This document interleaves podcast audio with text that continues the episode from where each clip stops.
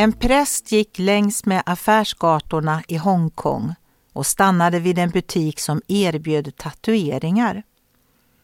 Han tittade på alla ritningar och de olika texter som var möjliga att gravera in i huden.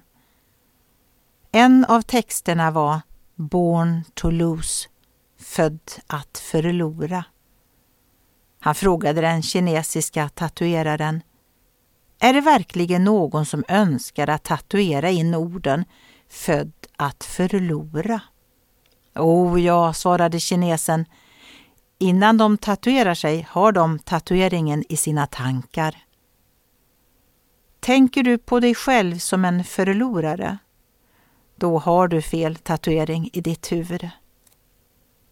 Jesus Kristus är segraren från evigheten.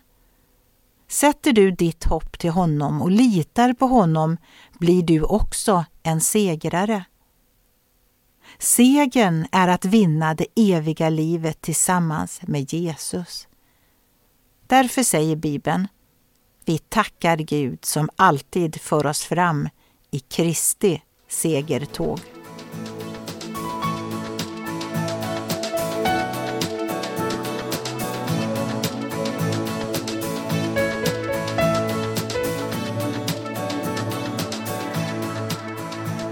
Ögonblick med Gud producerat av Marianne Källgren, Noria Sverige.